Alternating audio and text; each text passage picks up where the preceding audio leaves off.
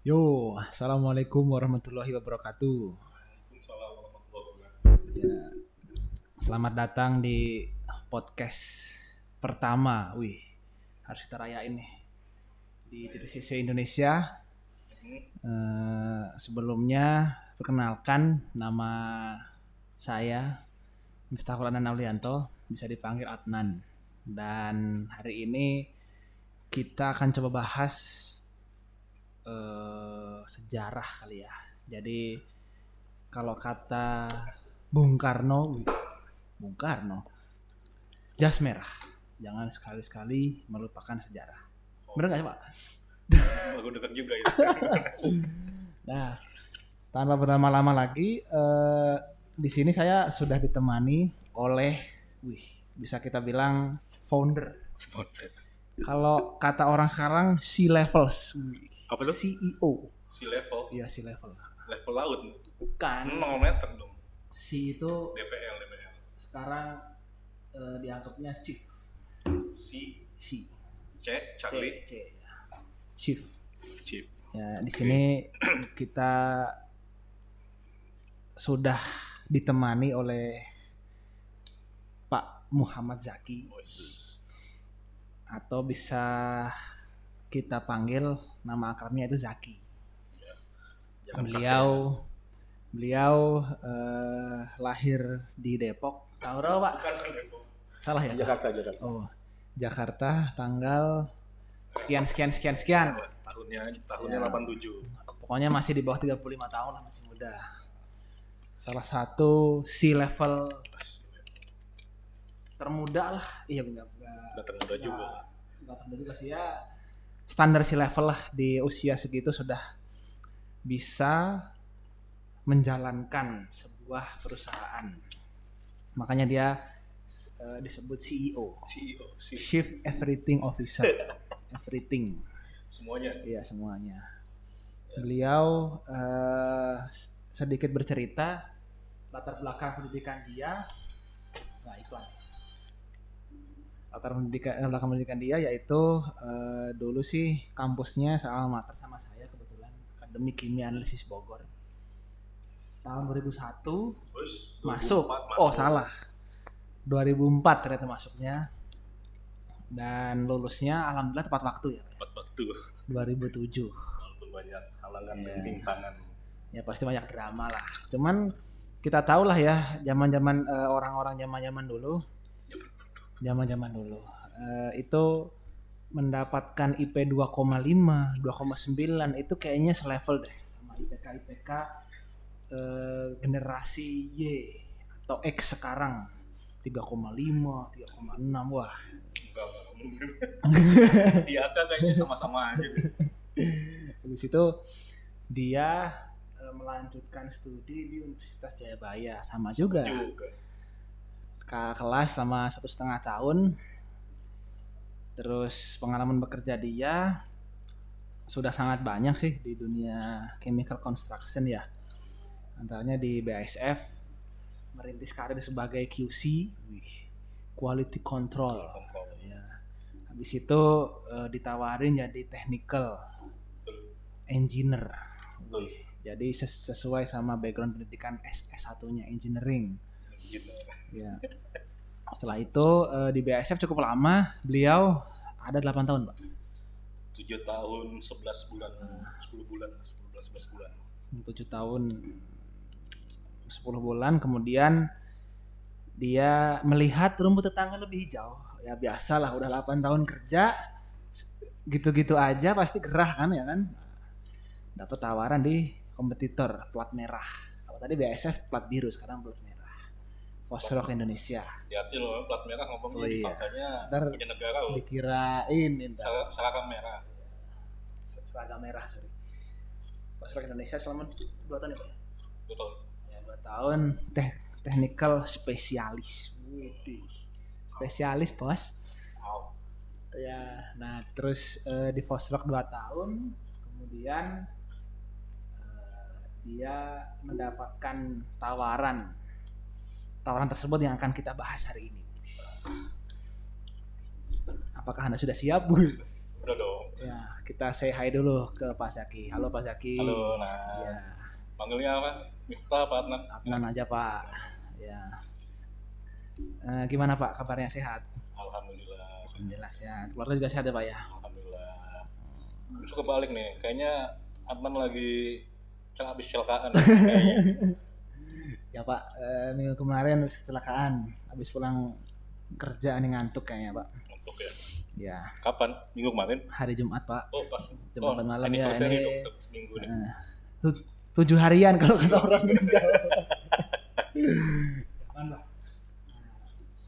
Terus ta- tanya kabar udah, tadi sehat, keluarga juga sehat. Terus eh, selanjutnya sih paling langsung aja sih ke topik-topik mungkin Hmm. Pak Zaki mau ngobrol sejarah singkat JTCC ataupun peralihan dari Fosrock ke JTCC itu seperti apa terus kemudian kenal siapa atau mungkin success factor the man behind the sex eh the man behind the success atau the woman ya tahu deh Woman lah Ya, lu. Woman berarti dia masih normal berarti. Alhamdulillah. alhamdulillah ya monggo Pak Zaki Jadi bercerita apa nih yang mau dibicarakan pertama kali mungkin GTCC ya awal terbentuknya. Hmm. Awal terbentuknya GTCC itu sebenarnya udah mulai bibitnya itu di Fosrock. Itu zaman di Fosrock, zaman uh, tempat kerja kedua lah. Di Fosrock itu saya tuh ketemu sama sekarang bisa dibilang coach dan mentor di GTCC. Uh, namanya Mr. Jin Tak Han, beliau keluarga negaraannya Korea, Korea Selatan. Uh, fun fact, mereka nggak mau dibilang orang Korea Selatan sih sebenarnya. Mereka mau dibilangnya orang Korea aja. Terus ketemu dengan beliau, beliau ini udah lama, justru lebih lama di, di dunia construction chemical ya, construction chemical. Udah lebih lama di sana, mungkin dari dia sejak lulus kuliah dulu mungkin sampai sekarang udah sekitar 40 tahun, 30 tahun, 40 tahun. Suhu. Suhu lebih ngelotok dia. Jadi Fosrock ini kenapa dia ada di Fosrock karena emang ya ditempatin di Indonesia waktu itu sebagai marketing advisor. Nah di Fosrock itu saya bisa ngelihat beliau ini punya banyak banget ilmu yang bisa dipelajari yang bisa dibagi juga ke kita kita semua tapi kok banyak juga teman-teman di Fosok itu yang belum mau menggunakan ilmunya dia. Jadi ya saya coba kenalan sama Mr. GT ini dia kebetulan senangnya dipanggil Mr. GT Justin M. Black. Nah terus eh, dari kenalan ternyata latar belakang kita sama chemical engineering juga sama kayak Adnan juga chemical engineering. Jadi mungkin kalau dulu namanya insinyur ya, sekarang engineer terus Sarjana. eh, sarjana lah mulai kerja juga di bidang yang sama juga teknik teknik teknik juga Eh, sebagai technical juga sebagai QC juga ya udah pasti udah banyak banget pengalaman yang dia punya di bidang construction chemical ini ya saya saat itu yang ngelihat dia wah orang ini harus secara kasar harus dicuri nih ilmunya nih tapi ternyata beliau itu bukan orang yang pelit eh, ngasih pelajaran ya. Jadi apa pun di, yang kita tanyakan ke dia, kalau bisa dia jawab, dia jawab. Kalau nggak bisa dijawab, dia akan cari temennya lagi yang bisa jawab yang kita tanyakan itu. Nah, eh, dari situlah eh, saya sama Mr. GT ini terus-terusan berkolaborasi lah. Sama-sama punya passion yang sama juga, sama-sama punya visi yang sama juga di construction chemical khususnya di Fosrock waktu itu. Ya tapi mungkin terhalang sama ya jabatan kita masing-masing lah. Apalah kita masing-masing di Fosrock itu nggak ada lah. Nah terlalu politikal ngomongnya. Jadi intinya beliau itu ada di Indonesia sebagai marketing advisor. Ternyata di balik itu juga beliau juga mempelajari pasar Indonesia pasar konsultan chemical di Indonesia. Gimana sih pasarnya? Pasti beda kan pasarnya sama yang biasa dia laksanakan sebelumnya di, dia di Korea. Pasti beda antara budaya Indonesia dengan Korea budaya kerja di sana juga pasti beda di Korea dengan Indonesia. Tapi di dua tahun di Indonesia ini dia pakai juga buat mempelajari market Indonesia. Sampai akhirnya sekitar satu sampai dua bulan sebelum dia selesai kontrak di Indonesia beliau itu manggil saya ke apartemennya. Emang sih kita udah biasa nongkrong di apartemennya tuh sambil ngobrolin apalah gosip-gosip nggak jelas juga. Cowok gitu juga lah gosip-gosip juga lah. Nah waktu itu dia manggil saya ke apartemennya buat eh perpisahan lah dibilang ini gue udah pengen balik nih ke Korea nih. Sinilah lu kita ngobrol nggak taunya pas saya datang ke apartemennya dia tuh udah nyiapin beberapa whiteboard dalam apartemennya yang isinya itu lima step planning lah. Lima step planning grand plan-nya dia untuk eh, bisa nembus ke pasar Indonesia. Nah, ternyata emang beliau ini udah nyiapkan bisnis juga setelah dia lepas dari Fosok Indonesia, kontraknya habis dari dari uh, Fosok Indonesia, dia akan buka bisnis juga di Korea. Dan pasarnya adalah Indonesia. Dan dari grand plan itu uh, kita bahaslah malam itu. Yang mana yang urusannya saya, yang mana yang urusannya dia. Seperti itu. Jadi uh, malam itu sih kita habisin emang buat ngebahas planning dan strategi yang ada buat ngebentuk JTCC ini. Dan waktu itu yang pertama kali dibentuk adalah JTCC yang di Korea. Baru kita bentuk JTCC yang Indonesia. Seperti itu. Kenapa namanya JTCC? Ya mungkin dari namanya juga Jintakhan JTCC. JT Construction Chemical. Tapi filosofi di balik JT-nya itu sebenarnya lonceng besar sih artinya. Jintap itu artinya lonceng besar. Jadi uh, filosofinya adalah kita mau masuk ke pasar Indonesia dengan membunyikan lonceng besar itu oh kita datang loh ya, mungkin itu sih filosofi dan semangat yang mau dibangun dari awal seperti itu jadi motivasi juga sebenarnya. Itu tahun 2017 tengah-tengah lah Mei lah. Itu habis itu beliau cabut ke Korea kontraknya habis. Mereka siapkan dulu JTCC Korea. Dan pada tahun 2017 bulan Oktober barulah kita bentuk JTCC di Indonesia dari bulan Mei sampai bulan Oktober itu ya di bulan Juni saya resign dari Fosrock persiapin ini itu sana sini siapin tempat kerjanya siapin gudangnya siapin pekerjanya juga. Dan kita mulai dengan uh, sangat minim lah. Dengan sangat minim uh, waktu itu cuma bertiga. Uh, termasuk saya uh, anak gudang satu sama sales satu. Salesnya pun masih sales freelance waktu itu. Dan kita mulai di bulan November tahun 2017 tanggal 1 November. Karena baru terbentuk aktanya itu di 2017 bulan Oktober tanggal 30 kita mulai dua bulan perjalanan di 2017 nggak usah neko-neko yang penting bisa jualan dulu. Tapi waktu itu kebetulan ya alhamdulillahnya di dua bulan itu November Desember itu udah punya penjualan yang di luar di ekspektasi saya sendiri seperti itu lanjut lanjut 2018 2019 sekarang 2020 kita udah secara eksponensial dari 2017 ke 2018 juga udah meningkat secara eksponensial 2007 2018 ke 2019 juga meningkatnya hampir dua kali lipat dari 2017 2020 ya seperti kita tahu lah covid kayak gini menghalangi rencana semua orang lah sebenarnya kayak gitu ya itu sejarah singkat lah JTCC kayak gitu Wih. mantep ceritanya udah kayak didongengin sebelum tidur oh berarti eh, dari Mr. GT ya yep tadi yang mengajak Pak Zaki buat membentuk suatu bisnis. Oh, betul. Berarti untuk produknya kebanyakan impor ya Pak ya?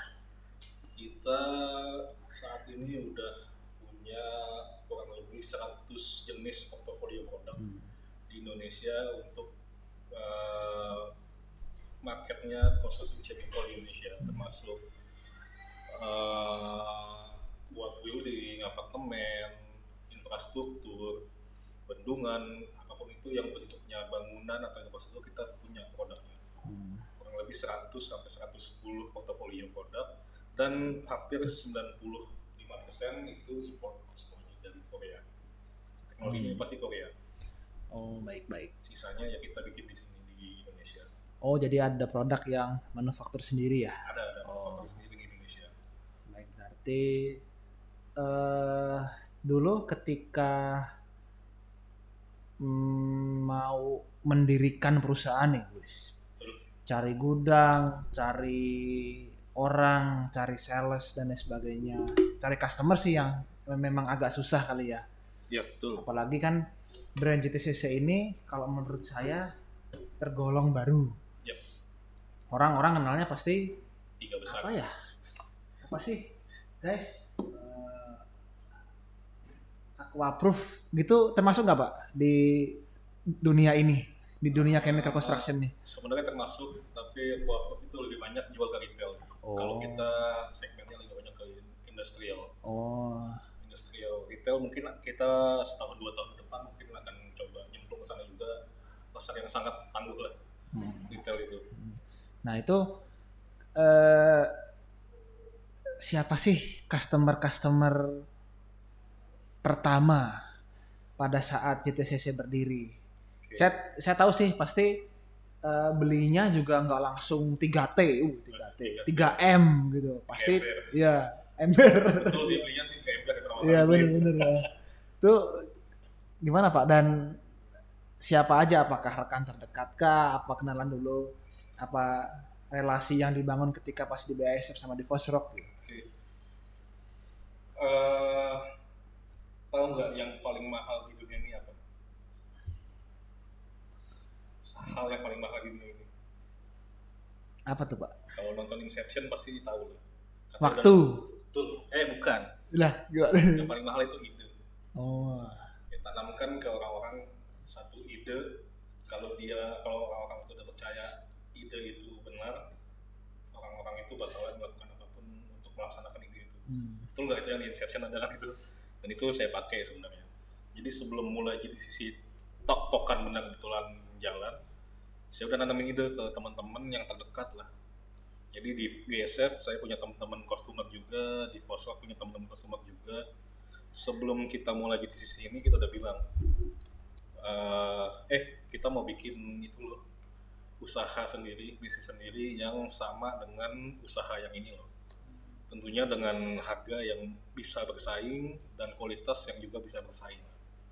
Ide itu terus kita tanam dari mulai bulan Mei mungkin 2017. Jadi 6 bulan, 7 bulan sebelum mulai kita udah bilang ke mereka ke teman-teman semua. Ya kita mau bikin ini loh, bikin itu, bikin ini loh, bikin ini loh. Nanti mau nggak bantuin kita? Nanti mau nggak beli produk kita? Nanti mau nggak uh, cobain produk kita juga di lapangan? Ya emang jawaban dari orang-orang tuh bervariasi lah tapi kebanyakan lebih ke boleh pak cobain aja wah bener nih mau bikin nih boleh lah nanti co- cobain nanti saya bantu nanti di ngebantu bantunya itu ya cuma eh, kecil-kecil juga nggak apa-apa sih menurut saya waktu itu dan emang betul di dua bulan pertama mulai itu ya teman-teman juga yang bantu kita buat coba pasarin produk kita juga di Indonesia dan sebelum mulai pun saya udah study pasar juga, study market.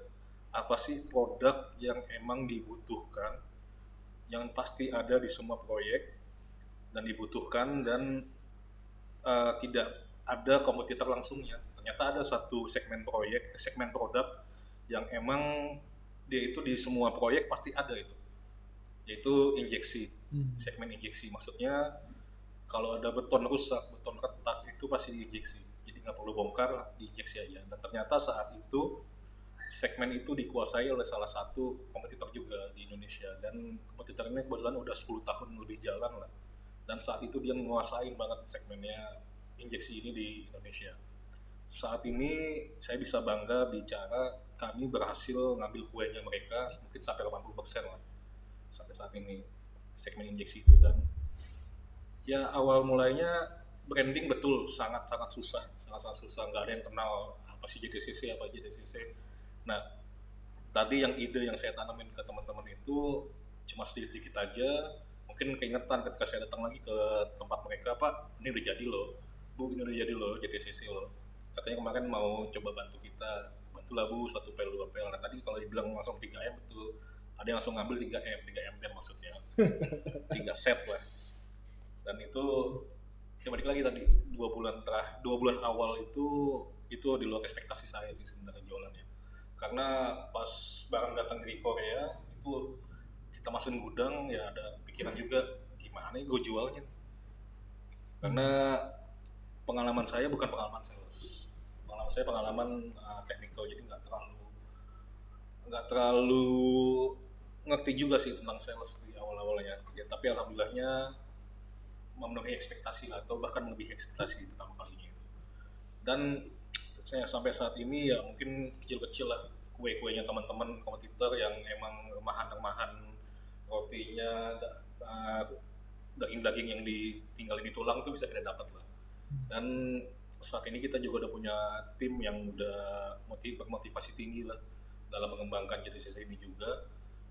Uh, ya insya Allah di tahun-tahun 2020 sampai seterusnya ini kita bisa terus develop. Terus. Amin. Sebuah positive vibes wis kalau kata orang zaman sekarang. Spread spread apa sprite sih? Spread? Spirit.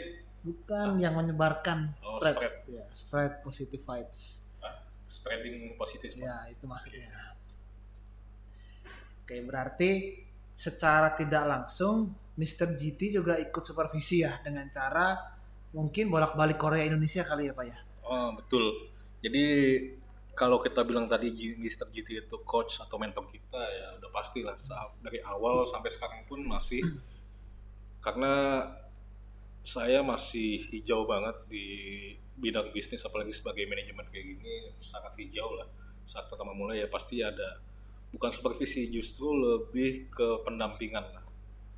Kalau dia datang eh sini lu shadowing gua. Gini caranya buat uh, manage anak-anak. Gini caranya buat manage forecast gini caranya buat manage collection. Jadi hal-hal yang nggak kita pelajarin yang nggak saya pelajarin di perusahaan perusahaan sebelumnya bisa langsung belajar di situ dan langsung praktek. Nggak ada teori-teori. Hmm. seperti itu. Ya kalau dibilang dia masih boleh balik ke Korea Indonesia ya dia masih boleh balik ke Korea Indonesia. Jadi dia pun ngerasa uh, JTCC Indonesia ya ini uh, tanaman yang emang dia tanam jadi harus dia jaga juga di sini gitu.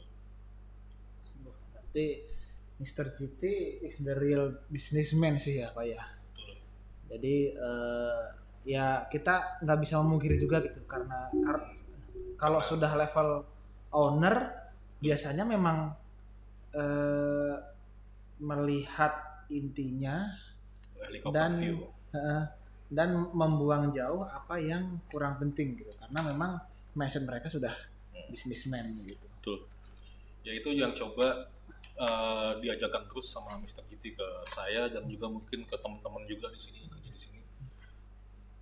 Jadi uh, emang nggak semua budaya Korea bisa langsung dipush ke budaya Indonesia yang ya kita tahu lah Hmm. Budaya Indonesia kayak gimana kalau kalau ngomongin dis- kedisiplinan aja kita udah kalah jauh lah sama orang Korea lah. Tapi hal-hal penting yang emang bisa dimasukin ke cara kerja kita di Indonesia pasti kita ambil yang bagus-bagusnya. Wah berarti Pak Zaki pernah diajakin ke Korea nih pasti nih. Pernah hampir tiap tahun ke. Korea. Tiap tahun pasti minum soju terus pasti nih. Nah, itu Nyicip. cicip-cicip pasti lah. Sebotol dua botol lah. Oh. Sebotol dua botol tiga kerat lah biasa lah. Kelepasannya di tiga kerat. Iya. Oke. Terus eh, JTCC eh, berarti di mana Pak? Lokasinya Pak? Kalau boleh tahu Pak? Oke, kalau lokasi JTCC yang pusatnya itu di Korea, itu di Ansan City. Ansan City. Ansan City itu satu jam dari Seoul. Oh, Nah, Bekasinya Seoul lah. Bekasinya Seoul. Oke. tapi nggak sejauh Bekasi lah Bekasi Iya. kan beda planet nah, terus kalau di Indonesia ada kantor pusatnya ya, kantor pusat kantor representatifnya itu di Bekasi Timur Hmm, Bekasi Timur. masih di kuku-kuku kecil lah kita kalau teman-teman tuh manggilnya kandang sapi lah Oh, karena kita diperas terus berarti karyawan yang Pak Zaki eh, pekerjakan itu berarti sapinya Tapi ya, karena di kandang. itu eh, berarti sekarang karyawan udah berapa pak? Nyampe nyampe tahun ini. karyawan sampai tahun ini total 11 termasuk saya. Saya karyawan juga loh, Oh iya benar. Mas Akbar. Berarti dari tiga orang ke 11 orang. Betul. Bener ya? Betul. Kalau untuk industri kawasan chemical ini 11 orang itu jumlah yang sangat kecil lah. Iya. Kalau dibandingin teman-teman yang kompetitor itu minimal mereka ada 40, 50 Hmm. orang. Itu pun di luar teman-teman yang kontrak. Kayak gitu. Kita masih 11 orang ya. Insya Allah kita bisa lah. 11 orang sapi perah yang diperah nggak habis-habis susunya, Pak. Kira-kira begitulah ini Kar- karena se, se- setahu saya ini kan termasuk startup ya karena 2017 kan.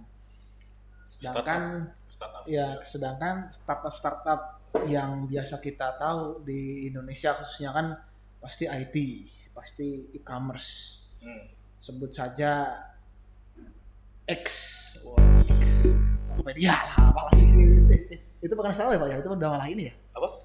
Tokopedia mah udah ini ya. Udah unicorn Udah, kan? Iya, unicorn salah. Eh, contoh apa ya pak ya? Eh, Sayur kita, oh iya, sayur kita, sayur box. sayur itu kan box ya. juga termasuk startup itu kan jualan sayur cuman kalau kalau GTCC ini kan bisa kita bilang toko material Toko material. iya toko, toko material palu gada apa eh apa Nggak palu gada juga sih kita nggak Oh, jual nggak jual palu juga sih. oh enggak pak yang apa Apa lu minta gua ada? Iya. Apa ada. apa lo minta gua ada gitu. Tapi yang berkaitan dengan custom chemical, Ya. yes kita palu gada. ya gitu oke terus eh, apa lagi ya yang mau saya tanyain banyak sih pak karena kalau digali lebih dalam ini pasti bisnis yang eh, cukup menjanjikan di mungkin lima tahun ke depan karena Indonesia sendiri kan eh, lagi gencar-gencarnya membangun Betul. COVID juga bodo amat ya kan awal-awal wah pakai masker pakai hand sanitizer bla bla bla bla wah endingnya 80 ribu juga gitu nah pastinya BTCC juga punya strategi dong nanti Oh, eh, iya. menghadapi COVID ini pasti juga saya yakin di bulan Maret April Mei pasti di titik terendah BTCC ini di masa kema eh apa musim kemarau lah Musim kemarau. Itu Betul. Gimana tuh Pak untuk menghadapi situasi-situasi begini Ya kalau kita lihat di Maret, April, Mei, Juni mungkin ya itu emang titik-titik yang kurang bagus lah. Hmm. Kalau dibilang titik nadir enggak, kita udah pernah di titik yang lebih rendah dari ini sebenarnya. Uh, karena ekspektasi sebenarnya kita harus punya ekspektasi dulu di awal, baru kita bisa nentuin kita di titik di titik mana nih. Nah, kebetulan emang uh, Maret, April, Mei, Juni ini ekspektasi kita emang lagi harus ditingkatin awalnya. Fokus pun lagi itu udah ada, tapi ketika ada COVID ini ya ekspektasi tinggal ekspektasi, harapan tinggal harapan. Yang penting bisa survive aja dulu deh di kondisi COVID ini. Strategi yang kita lakukan saat COVID, kita nggak WFH gitu. ya kita nggak WFH lagi itu, jadi ya tetap aja jalan. Walaupun proyek juga di Indonesia mungkin 80% dari proyek itu shutdown, bah, eh, lockdown bahkan shutdown. Dan baru mulai mulai menggeliat lagi bulan Juni kemarin. Dan kalau dibilang secara strategi, strategi nggak berubah dari sebelumnya Hmm. kita eh, pakai strategi gerilya aja gerilya yang kita pakai adalah kita deketin bukan proyeknya tapi orang-orang di proyek Hmm. ada perbedaan di situ jadi terus juga kita deketin subkon subkonnya juga di proyek itu jadi nggak ada nggak ada perubahan strategi yang signifikan dari sebelumnya tapi yang jadi polemik adalah kita harus tetap mendongkrak penjualan kita pasca eh, peak time-nya pandemi. Hmm. Peak time-nya ya kemarin April Mei lah, itu peak time-nya pandemi ini.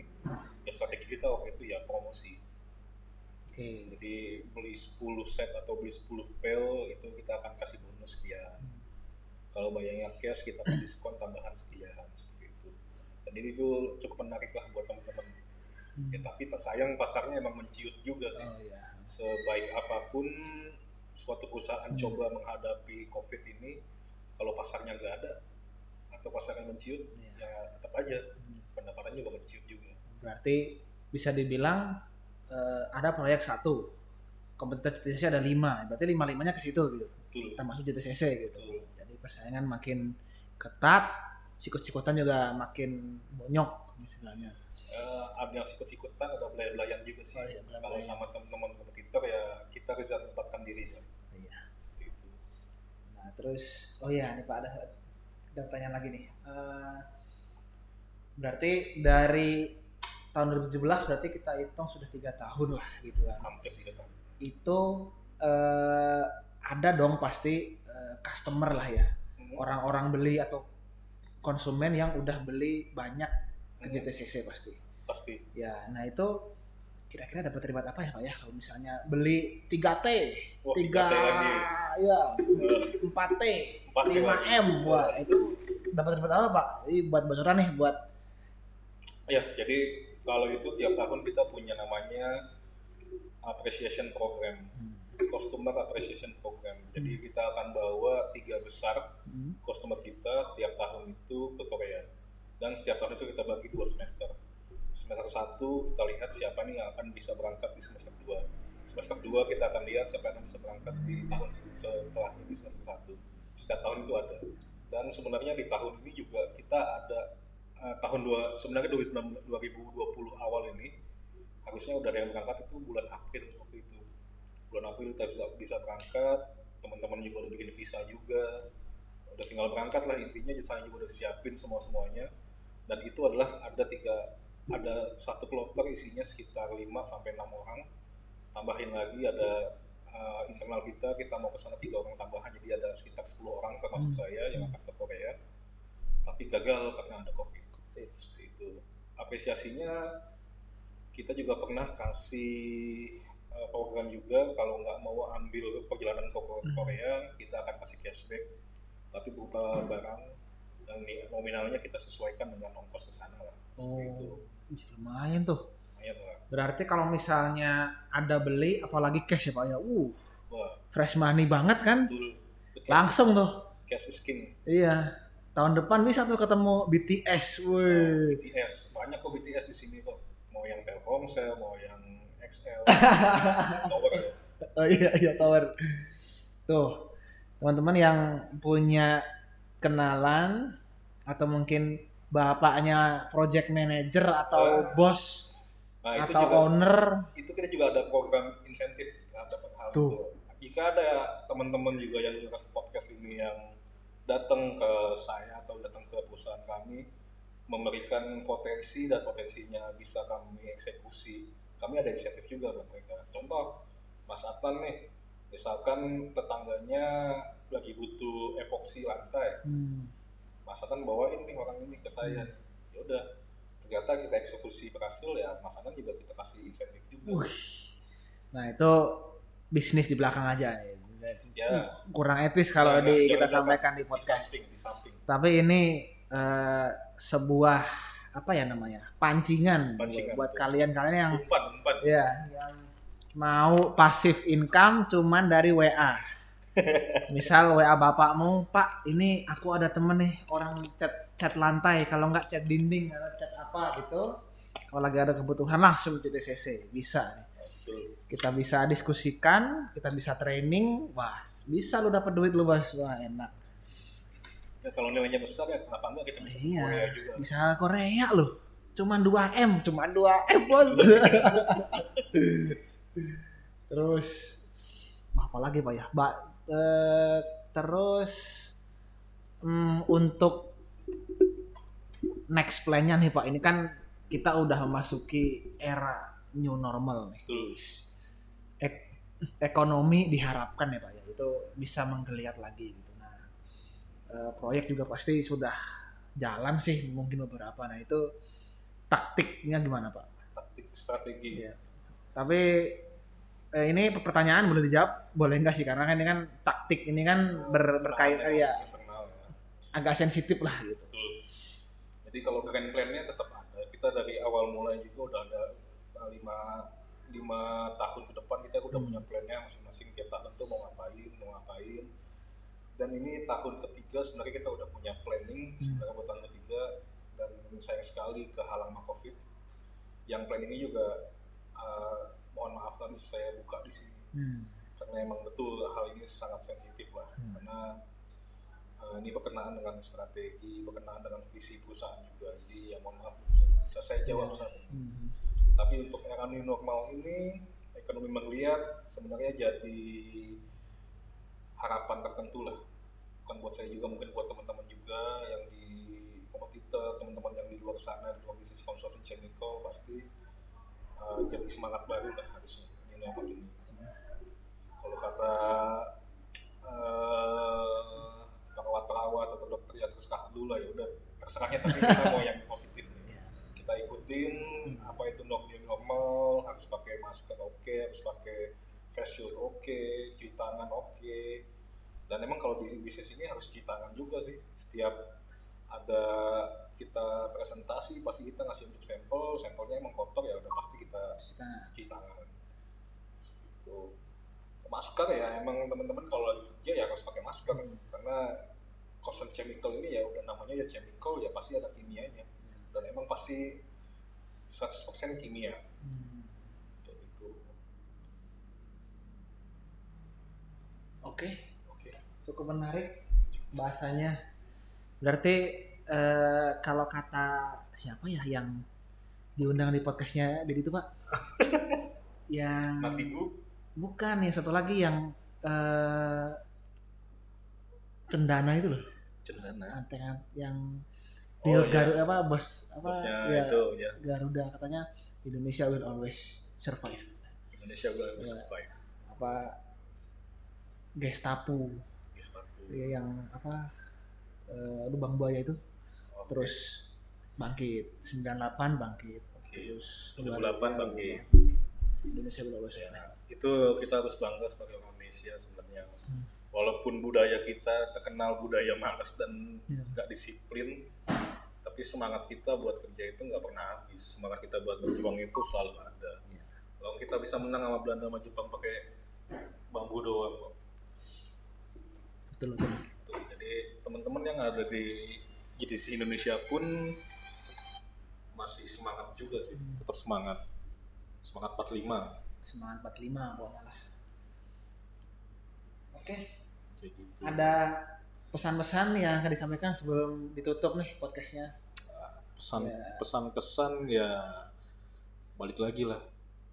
Eh, semangatnya motivasinya untuk bekerja untuk eh, melaksanakan job desk-nya tetap harus terjaga lah. Walaupun eranya sekarang era new normal era 4.0 tapi semuanya harus tetap dijaga semangatnya terus berjuang walaupun apa yang terjadi semuanya kita bekerja bukan buat diri sendiri tapi buat keluarga. Dan itu yang juga ditanamkan di JDC Indonesia. Eh, kita anggap semuanya keluarga di dalam uh, Indonesia ini. Dengan job desk tersendiri tentunya. Seperti itu.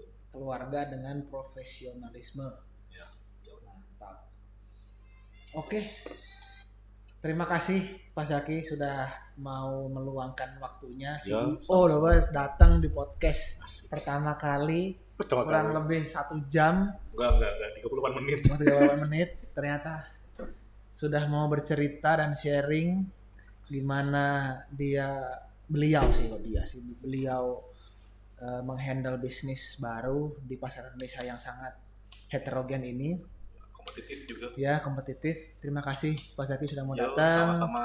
Nah. Nan- eh, nanti saya sampaikan eh, apa ya istilahnya rangkuman lah. Teman Oke. pes- pesan-pesan atau mungkin ada nasihat-nasihat bagi para pendengar yang mungkin akan menjalankan bisnis walaupun bisnisnya beda mungkin. Ya. itu nanti akan saya bagikan. Oke Eh, cukup pak cukup ya boleh nanya kali apa nanya saya jadi tamu tetapnya di sini oh boleh nanti kalau kita butuh motivasi kalau nggak motivasi. ada cerita-cerita nyantai boleh lah oke oke kita undang lagi oke lumayan oke, kan oke. bisa nambah adsense ya, Ya. adsense. nambah ini. Oke, Nan, thank you udah diundang. Sama-sama Pak Jaki. Hati-hati di jalan, Pak. Ya nanti linknya di share ya ke saya ya. Ya, Nanti diedit dulu videonya. Oke, Oke. terima kasih teman-teman udah mau gabung di podcast JTCC eh, sore ini.